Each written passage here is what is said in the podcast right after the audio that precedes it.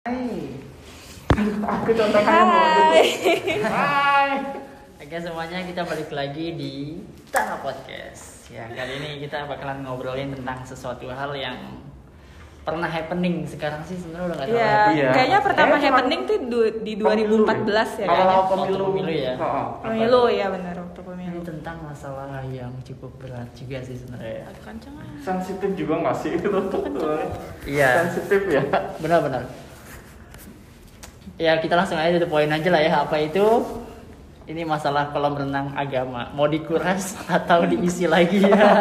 Menang dong. Kolam renang. ya maksudnya dikosongin atau diisi aja gitu ya Oh iya, Iya. jadi uh, kolom agama di KTP lah ya ini. Oh, iya, Intinya benar. ya, kolom agama di KTP ini Mhm. kalian lebih setuju untuk tetap ada atau dikosongin aja. Begitu. Ya. Nyatanya kita tanpa nama Oke. Iya. jadi jangan, jangan disebutkan nama kita Ya eh, disclaimer dulu kali ya. Disclaimernya kita nggak nggak ini nggak lah ya, bermaksud sara eh, ah, ya. nggak bermaksud sara cuma untuk mengeluarkan opini kita masing-masing Mm-mm. aja. Ya correct me if we wrong mungkin. Pandangan kita masing-masing sih sebenarnya ya. Iya, dan as you know di sini itu ada yang beragama Islam dan ada yang beragama Kristen, Iya, Protestan, ya, Protestan. Protestan. Protestan. Oke. Aja. Dari pandangan siapa dulu nih? Oke, pertama mulai dari pandangannya Bapak yang satu ini. So, Bapak pakai Bapak yang mana nih? ya. bapak yang mana Yang dulu bapak yang saya dulu gitu Hmm. kalau saya sih lebih setuju itu eh, tetap ada ya karena namanya identitas identitas itu kan ada buat membedakan antara yang satu dengan yang lain ya even kalau misalkan kita mau disamain semuanya sama rata gitu ya kan kayak konsep-konsep sosialis atau komunis ya kenapa nggak sekalian aja kolom nama nggak usah gitu ya kan? Kolom tanggal lahir nggak usah dan yang lainnya nggak usah karena kan kita sama gitu. Nah kan? Nah agama pun juga sama. Dia adalah pembeda. Nah di sini juga yang bisa apa ya ngasih ngasih bukti kalau kita itu toleran sama orang. Mhm. Nah karena dengan kita tahu agama orang dan kita nggak pernah apa bahasanya musik dia dalam beragama, nah itulah toleransi kita gitu. Kalau Oke. saya sih gitu ya lebih ke situ. Oke, sebelumnya gue ada satu kasus. Waktu itu gue pernah ngeliat ada salah satu influencer di sosial media. Dia tuh lagi sesi tanya jawab gitu sama uh, followersnya. Dan salah satu pertanyaannya adalah uh, audiensnya nanya, kakak sebenarnya agamanya apa sih gitu? Karena kalau kita lihat dari profil Instagramnya, dia itu ngerayain Idul Fitri juga, Oh, Natal juga iya ya. gitu. Iya ya sebenarnya tergantung endorsan ya. Sih kayak politikus di apa salah satu yang punya stasiun TV itu bukan sih? Oh iya iya kayak Iya, gitu. kayak gitu ya ya makanya ya ya gitulah ya, Ya, gitu itulah, dan kita tahu dan lah itu. dan orang kayak gitu juga nggak cuma dia doang kan ada banyak juga yang kayak pas ditanya kakak sebenarnya agamanya apa dia dia bilangnya kayak gini "Eh, ini udah berkali-kali ya makanya dia kayak agak-agak marah gitu kayak "Eh, lagi ya kalian tuh nggak sopan nanyain agama orang tapi kalau misalnya emang kalian penasaran sama agama aku dia cuman bilang agama aku love gitu jadi intinya adalah dia bilang kalau ada orang nanyain agama orang lain itu dia bilangnya itu tidak sopan. Jadi gini, eh, pro dan kontranya tadi dimasukin ke kolom KTP itu kan bapak satu bilang ya itu untuk membedakan dan juga untuk salah satu untuk toleransi juga. Kalau yang untuk bapak satu ini gimana? Bapak Oke. dua, bapak dua. Bapak ya Bapak untuk dua, bapak ya. dua. Eh, kalau aku sendiri memandangnya kalau seandainya itu mau dihapuskan itu ya satu setuju aja. Kenapa? Karena ada beberapa nih yang jadi mendasari. Sebenarnya kan ada yang disalahgunain.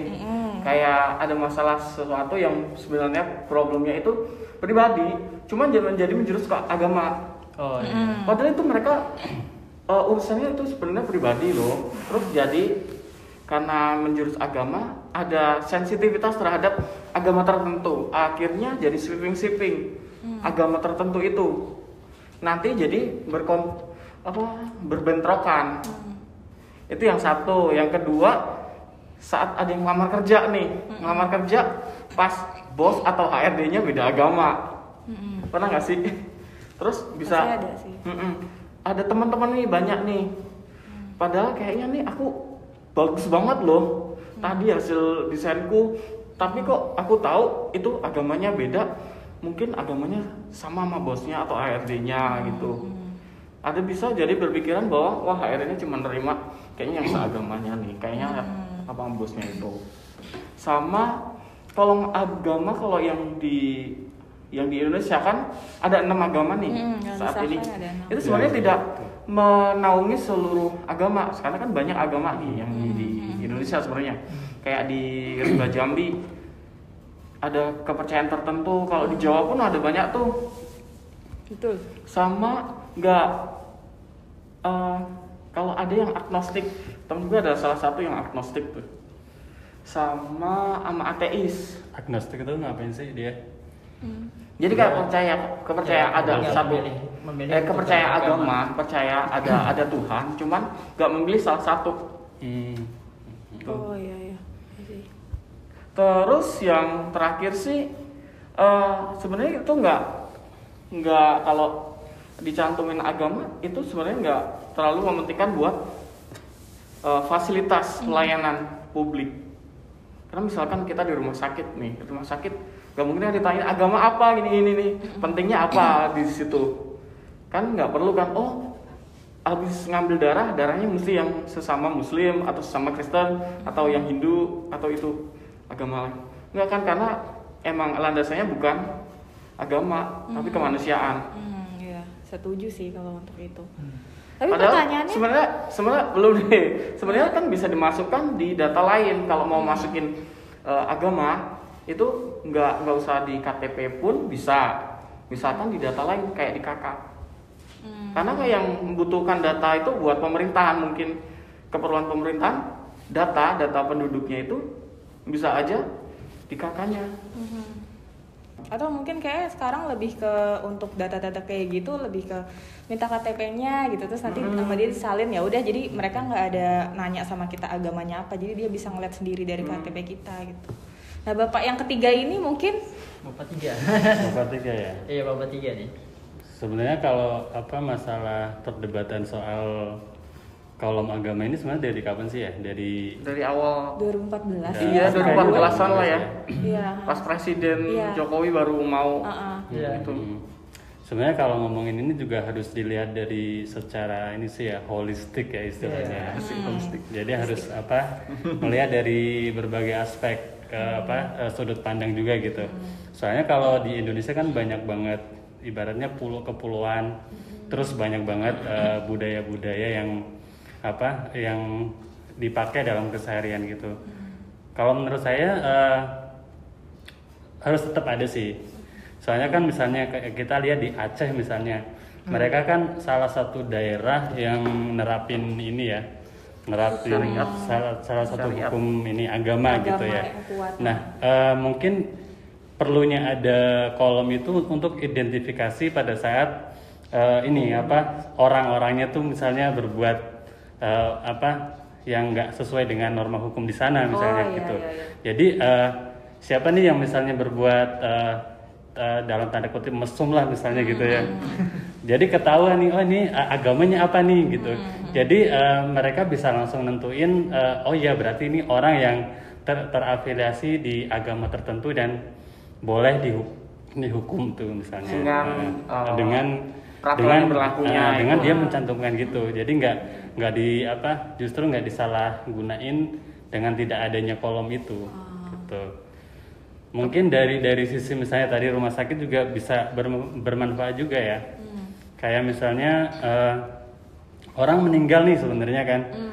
Orang meninggal yang nggak punya keluarga itu kan eh, nggak ada tuh nggak Ah. ada yang ngurusin kan. Nah mungkin dari adanya apa identitas agama itu, jadi Dimakamkan pihak eh, pihak rumah sakit akan lebih mudah untuk apa iya, iya, mengidentifikasi paham. apa eh, ininya mau- dimakamin secara apa gitu. Heeh. Iya Kalau kalau itu sih itu, sudah dulu sih pernah disinggung si Ahok kan ya Hmm, hmm, hmm. sebenarnya. Eh, kalau kalau beliaunya kan juga setuju tuh.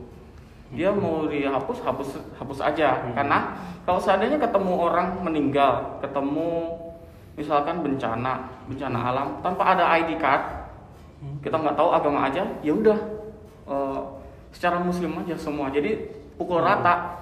Nah, tapi kan apakah misalnya yang itu setuju gitu misalnya? Kalau kalau dari aku sih karena Kristen itu nggak masalah. Karena emang kalau dalam ajaran itu kita kalau udah meninggal ya udah itu udah ya udah udah putus hubungan. Mau iya, nggak iya. kalau yang muslim kan masih bisa didoain apa-apa kayak gitu yang muslim secara tapi kalau kita nggak nggak masalah juga karena beberapa temanku yang kebetulan pindah convert Hmm.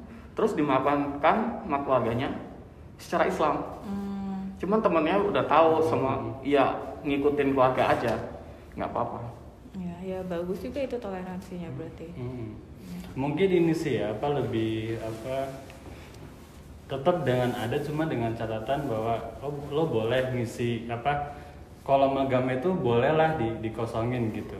Kalau yang sekarang kan ini ya orang harus diwajibkan ngisi gitu ya. iya Permasalahannya kan di situ. Jadi orang yang nggak mau apa identitasnya dicantum di situ harus ngisi. Jadinya bingung seperti itu. ya kadang ada yang nggak nggak masuk kan dalam kriteria yang data di kependudukan masuk di mana nih antara enamnya itu? Karena kalaupun dihapus sama sekali itu akan jadi apa ya rentetan yang panjang kan. Masalah baru, iya Karena eh, apalagi misalnya di sini di Indonesia itu kan ada satu agama mayoritas ya kalau di situ. Nah itu pasti akan jadi apa gejolak juga. Iya. Kita harus melihat apa aspek sosialnya juga di situ, ya kan? Misalnya bisa jadi kalau agama di itu dihapus, yang tadinya pingin jadi apa eh, ngedepanin toleran, misalnya mana jadi chaos atau segala macam Iya itu juga sih, harus benar. dilihat juga, gitu. Jadi emang apa? Menurut saya sih harus dilihat semua aspek harus dilihat sih. Apa aspek hukumnya aspek sosialnya aspek kebudayaannya seperti apa gitu. Nah kalau untuk sekarang kayaknya akan sulit untuk bisa dihapuskan sih. Menurut saya seperti itu. Ya terbukti sih dari Iya. pembahasan 2014 sampai Iya. sekarang emang belum belum ada sih. Tapi tapi gini aku mau nanya deh. Kalian tuh kalau secara casual aja gitu ada orang nanya eh lo agamanya apa? gitu Kalau saya merasa pribadi- keberatan atau enggak Kalau saya pribadi sih ya biasa aja ya karena kan ya namanya tentang ini tentang kepribadian Ah. yang nggak nggak terlalu pribadi gitu bahasanya. Hmm. Toh kalau misalkan kita tinggal jawab wah ya udah agama gue ya Islam gitu misalkan Hmm. gitu. Terus dia juga kan pasti kan nggak bakalan nanya Oh terus lu berapa Islam sih terus Hmm. Nah, karena Nggak, nggak kalau aku gitu. sudah eh, kalau dilihat dari sisi aku yang non ya, Hmm. aku pernah dan itu jadi garing beneran sumpah. Di Jadi mana? Ada teman-teman ini seru-seru ngobrol ini, Ah. terus ditanyain itu, iya kayak gue pernah pernah ngeliat si Gerald ini Gerald Gerald Gerald itu loh di Twitter dia, dia ngomong itu dan itu sama persis kayak aku. Jadi temenku tuh seru banget ngobrol, kita ngobrol terus. Abis itu nanya tentang agama dan gue jawab. Abis itu dia diem dong Oh, oke udah nggak seru lagi makanya gue gue nggak enak sendiri kalau seandainya itu sebenarnya kenapa sih gitu. Sebenarnya memang kalau agama itu Terus? sensitif sih apa pun di mana pun itu topiknya tuh bakalan sensitif. Menurut aku sih kalau ini kalau ditanya ya dijawab aja sih eh, biar juga tahu misalnya masalah makanan yang apa boleh Iya, nggak halal atau nggak. seperti itu kan jadi oh, kalau gue nawar nawarin temen seandainya itu makanan non eh non halal pasti gue tanya dulu juga sih. Oh iya. Iya, ya lebih open minded juga sih ya kayak sekarang ya. Karena kalau misalkan kita lihat ya, yang saya tadi dengar apa namanya ada sebenarnya saya agak-agak agak bingung juga kenapa orang pas ditanya tentang agamanya gitu itu suka apa ya nggak berani mengungkapkan kayak misalkan tadi ya agama gua adalah cinta gitu. Ay, terus agak terus kenapa gitu kan? Kenapa dia nggak nggak sebutin aja misalkan ya kalau misalkan memang dia ateis ya sebut aja ateis gitu. Atau Mm-mm, mungkin dia takut dijudge sih. Ah, ah, Nah, ya, gitu kan, ya. mungkin itu sih. Sebenarnya sebenarnya hal-hal yang kayak gitu sebenarnya yang kadang malah justru bikin stigma baru di Mhm. di penontonnya dia justru ya. Mhm. Memang ada beberapa ya apa ya gimana ya mungkin ujung-ujungnya adalah tergantung cara kita melihat hal itu sama circle kita juga kali ya. Kayak temen gue ngomong ya dulu dulu tuh gue ateis gitu. Kayak biasa aja dan gue pun juga nerimanya juga oh lu dulu ateis gitu kan. Eh, iya terus eh, gue pacaran sama orang terus dia ngajak gue ke gereja akhirnya gue punya agama gitu. Oh my ya ya kalau menurut gue ya bagus dong gitu Iya. kan. Karena Terus?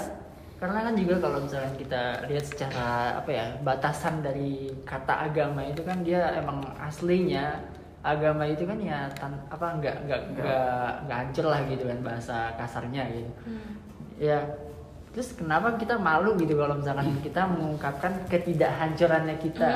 Bukan berarti ya orang-orang sebenarnya ini ini juga jadi apa namanya kontradiksi nih buat orang-orang yang ateis gitu. Kalau dia memang nggak hancur seharusnya dia punya agama. Nah ngerti nggak maksudnya? Agamanya itu adalah uh, keyakinan dia untuk ber- berbuat baik. Nah itu mungkin bisa dibilang agama apa dong? Nah setidaknya kan dia punya sebuah keyakinan. Nah sedangkan ag- agama itu kan mau di dikulik pakai bahasa apa pun juga sebenarnya ujung-ujungnya ada istilah keyakinan di situ. Entah dari adin religion terus dari agamanya sendiri kan gitu kan ujung-ujungnya Soalnya yang jadi permasalahan di sini kan karena di Indonesia ini cuman mengadopsi, mengadaptasi lima agama aja kan, enam ya Enam. kalau nggak Enam salah. sekarang nih. Yang jadi persoalan itu adalah itu, yang lain-lain yang yang mereka punya aliran kepercayaan sendiri kayak kejawen Nggak segala tercover macam nggak nggak tercover di situ. Harusnya ini sih kalau mau kayak gitu pemerintah harus bisa agama-agama yang nggak nggak apa nggak diakui harus mulai diakui seharusnya gitu. Cuman eh, balik lagi akan jadi apa bentrok lagi dengan agama mayoritas yang ada gitu biasanya. Sebenarnya kan gitu. betul. Eh, kalau kepercayaan sebenarnya kan udah di eh, diberikan ada perlindungan hukumnya kan ya Iya sebenarnya untuk Hmm. untuk kepercayaan. gitu. Oh. Nah balik lagi nih, saya pernah tadi tadi baca nih, Hmm. ada seorang kiai kita lah bilang agama itu beda dengan kepercayaan. Nah itu gimana? Oh iya ya, gue juga sempat baca agama itu beda sama kepercayaan. Karena agama, eh sorry ya, kalau gue salah ya, dibenerin aja. Karena kepercayaan itu adalah kebudayaan. Hmm. Agama ya agama.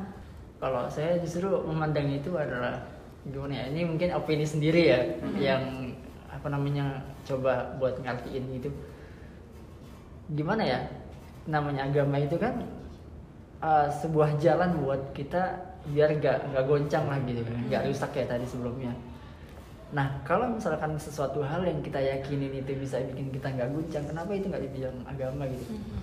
Kayak misalkan, ya memang agama itu nggak nggak cuma keyakinan, kayak misalkan kita di Islam ada iman dan rukun Islam gitu ya. Iya, kan? Nah, itu kan juga tentang bukan hanya keyakinan, tapi gimana cara kita merealisasikan keyakinan itu. Nah, itu gimana tuh, ya kan? Agak bingung juga kita. Ya iya sih. ya contohnya aja misalnya dalam hal kewajiban gitu kan. Misalnya Ya. di sini yang Islam nih eh, dalam mendirikan sholat misalnya. Iya, Iya. bukan gontong-gontong maksud gue kayak ada caranya sendiri-sendiri Oh, gitu. Bisa iya. lo tipe yang begini sholatnya, gue tipe yang begini sholatnya Oh, gitu kan. Itu kan yang kayak diaduk sama enggak ya Iya, kayak bubur yang tim bubur diaduk sama tim bubur nggak diaduk gitu. Ya. Itu kan kayak semacam sebenarnya kayak kepercayaan aja kayak gue percaya sholat dengan tipe begini masih diterima kok gitu Ya. kan. Kalau masnya gimana? Eh bapak dua gimana bapak? Cara beribadahnya ada yang Oh, beda-beda juga. oh kalau cara ibadah eh, memang cara ibadah sih banyak kayak sekte-sekte kalau di muslim kan banyak kan Hmm. mau Muhammadiyah Iya benar sekte ya. apa-apa itu Sekte. banyak dan di Kristen pun juga kayak gitu Ya. sama Alirannya. Kalau sekte itu aliran berarti iya kan? Sekte iya aliran aliran. sama aja jadi banyak Katolik pun juga kayak gitu Katolik Roma Katolik Anglikan mana banyak Iya paham. Berarti sebenarnya kalau saya tarik kesimpulan gitu. sebenarnya yang lucu itu di di masalah hapus atau enggak uh, tentang agama di KTP ini. Itu masalah tergantung dengan sektenya juga ya sebenarnya ya. Karena kalau kita lihat tadi apa namanya kita bisa bilang sebenarnya ada banyak masalah di Indonesia ini contoh kayak perang Poso terus perang Madura terus eh, masalah bentrok-bentrok agama lainnya itu biasanya diawali dengan masalah pribadi yang tadi bapak Iya. dua ini bilang. Mm-mm. sebenarnya itu hanya yang pribadi terus Hah? menjurus jadi itu ke eksposnya malah ke agamanya. Benar. Nah justru yang kayak gitu malah bikin sat- satu orang yang pribadi itu malah ngebawa-bawa kelompok ya. Dan dia belum mungkin belum di briefing lagi kali ya Pak. Jadi jadi jadi udah dapat satu isu nih. Udah ayo gas gas gas ayo gas gas cuma kalau masalah apa agama itu eh, susah sih ya kalau misalnya soalnya eh, agama-agama di kita itu nggak ada peran sentralnya itu satu sentral gitu ya Oh, iya, benar. jadi mereka eh, punya punya pemikiran-pemikiran sendiri yang Iya. sebetulnya ini Kecuali kalau Katolik ya mas kayaknya sentral Sentral. Vatikan sendiri Vatikan. ya. Nah, persoalannya kan misalnya agama inilah ya mayoritas gitu. Mereka pun punya apa pandangan-pandangan yang beda kan. Iya. Ada yang lembut, ada yang keras. Nah, ini yang yang kadang jadi apa? Jadi persoalan bukan cuma di internal agama itu sendiri ya, tapi juga ke apa eksternal lain juga seperti itu. Harusnya ini sih apa? Misalnya agama mayoritas misalnya itu punya punya sentral punya apa punya panutan yang harus diikuti yang mana gitu. Jadi eh, semua dalam satu komando gitu. Iya. Mm-mm. gitu. Jadi nggak nggak berjalan sendiri sendiri gitu Benar-benar. Even kita Nah. punya punya beberapa organisasi Hmm. besar ya. organisasi besar pun sekarang juga kayak jadi semacam kepecah kan Iya. mereka eh, mereka punya pemahaman sendiri-sendiri yang yang ke akar rumputnya jadi jadi beda gitu mungkin di apa level level elit nggak nggak terjadi apa-apa tapi di di akar rumputnya gitu nah itu pemahaman kayak gitu mesti harusnya harus dimulai ini sih. Maksudnya apa peran sentral ini sih satu satu satu payung lah gitu satu payung. pentingnya. jadi kalau ada konflik-konflik yang kayak gitu mungkin bisa dihindari. Heeh. nah itu peran peran negara juga penting di situ sebenarnya Keren sekali ya Bapak yang satu ini. Oke. Tamu kita ya. Tamu kita Ini bintang tamu kita guys dari kita bertiga tanah tanah tanah sekarang jadi tanah tanah tanah tanah.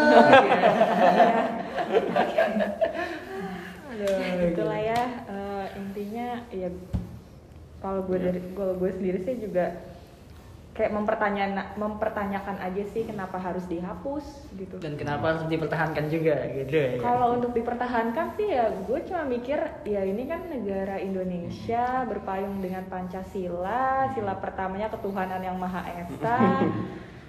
Dan Tuhan itu memang berbeda-beda gitu kan. Maksudnya cara orang de- Tuhan. cara orang berkomunikasi dengan Tuhan itu mungkin beda-beda gitu kan cuman ya negara Pancasila nomor satu aja di ketuhanan yang maha esa itu kan udah mencakup agama gitu. Kenapa mesti dihilangkan gitu? Dan kenapa Sebenarnya mesti gitu. malu gitu?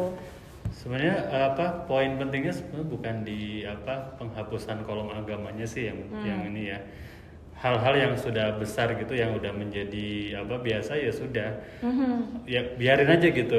Nanti kalau ada muncul problem-problem baru itulah yang problemnya yang harus di, diselesaikan. Misalnya kenapa eh, eh, adanya kolom agama terjadi apa diskriminasi dalam pekerjaan misalnya.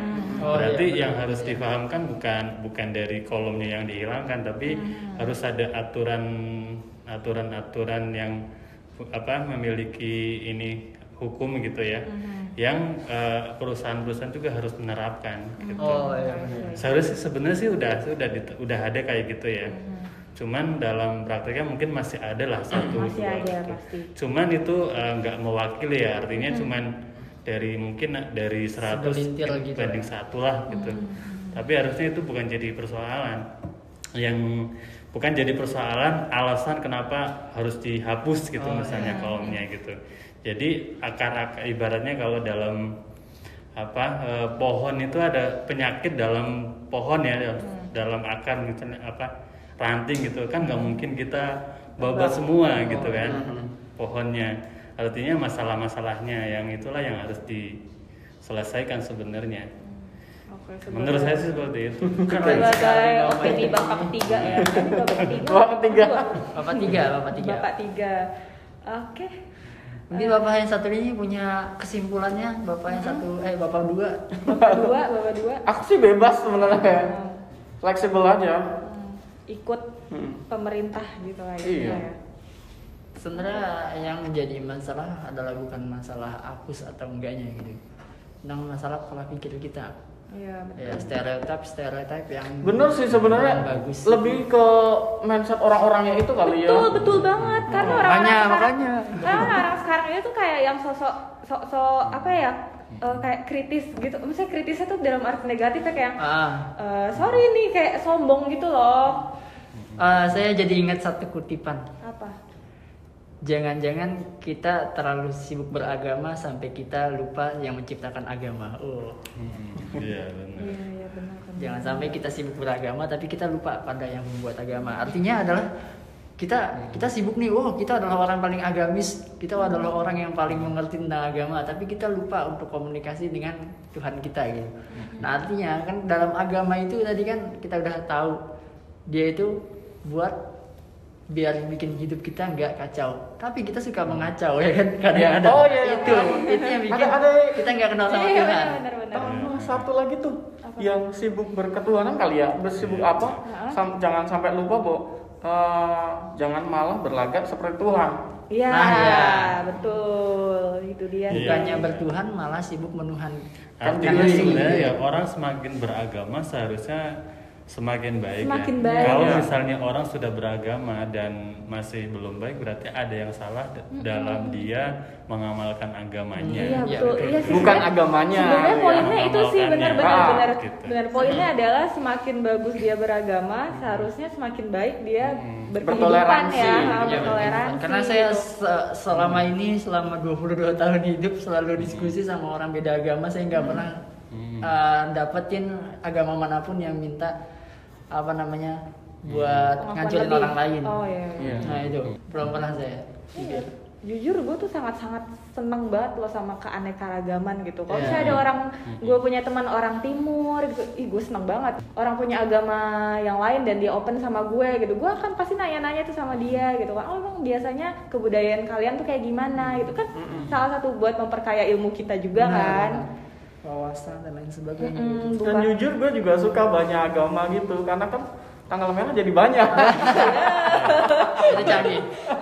yang paling yang paling diuntungkan dari kita beragama itu hari libur sebenarnya. iya benar Apalagi- Dengan- apalagi dengan- di Indonesia dengan budayanya Iya ya, lo mau Iya. agamanya apa lo pasti bulan segini nanyanya Idul Adha kapan ya? Waisak, Waisak kapan Waisak? Iya. Imlek, Imlek tanggal berapa? benar bahkan di dalam misalnya dalam agama mayoritas pun begitu misalnya ada eh, taruhlah organisasi A eh, puasa lebih dulu gitu kan organisasi B puasanya belakangan nanti yang itu ngikut puasa yang belakangan Iya. tapi giliran lebarannya duluan ngikut yang lebaran duluan emang ya kadang suka gitu aduh dasar Oportunis ya. manusia ya Iya, tipikal manusia. nah gitu ya guys Iya. Udahan nih. Udah. Nanti Nah ini kita- sekarang dilempar nih ke pendengar semua nih. Iya, gimana menurut kalian? Kalau misalkan Iya. ada koreksi, mungkin bisa ke mana nih ya? Kita mau coba. Jadi gini loh, sebenarnya kita dia punya Twitter, cuma masih belum jalan aja. Oke, nanti- Instagram masih ongoing juga, jadi tungguin aja ya. Masih Iya. di build ya guys. Mungkin Oke. next podcast kita akan ngasih tahu sosial media kita yang udah aktif apa, jadi kita bisa berkomentar di sana. Ya, kita bisa bisa sharing-sharing di sana juga. discussion ya. di sana. eh kayaknya aku udah ditungguin sama istri nih Nah, iya. Pasti. Eh, ini ya batas kita undang bintang tamu cuma setengah jam Iya. guys kita nggak mau Mahal, bayar guys, mahal. Datang. Makasih, Nggak mau bayar Makasih. Bapak tiga. Oh, dadah. Ya, gitu aja guys. Dadah.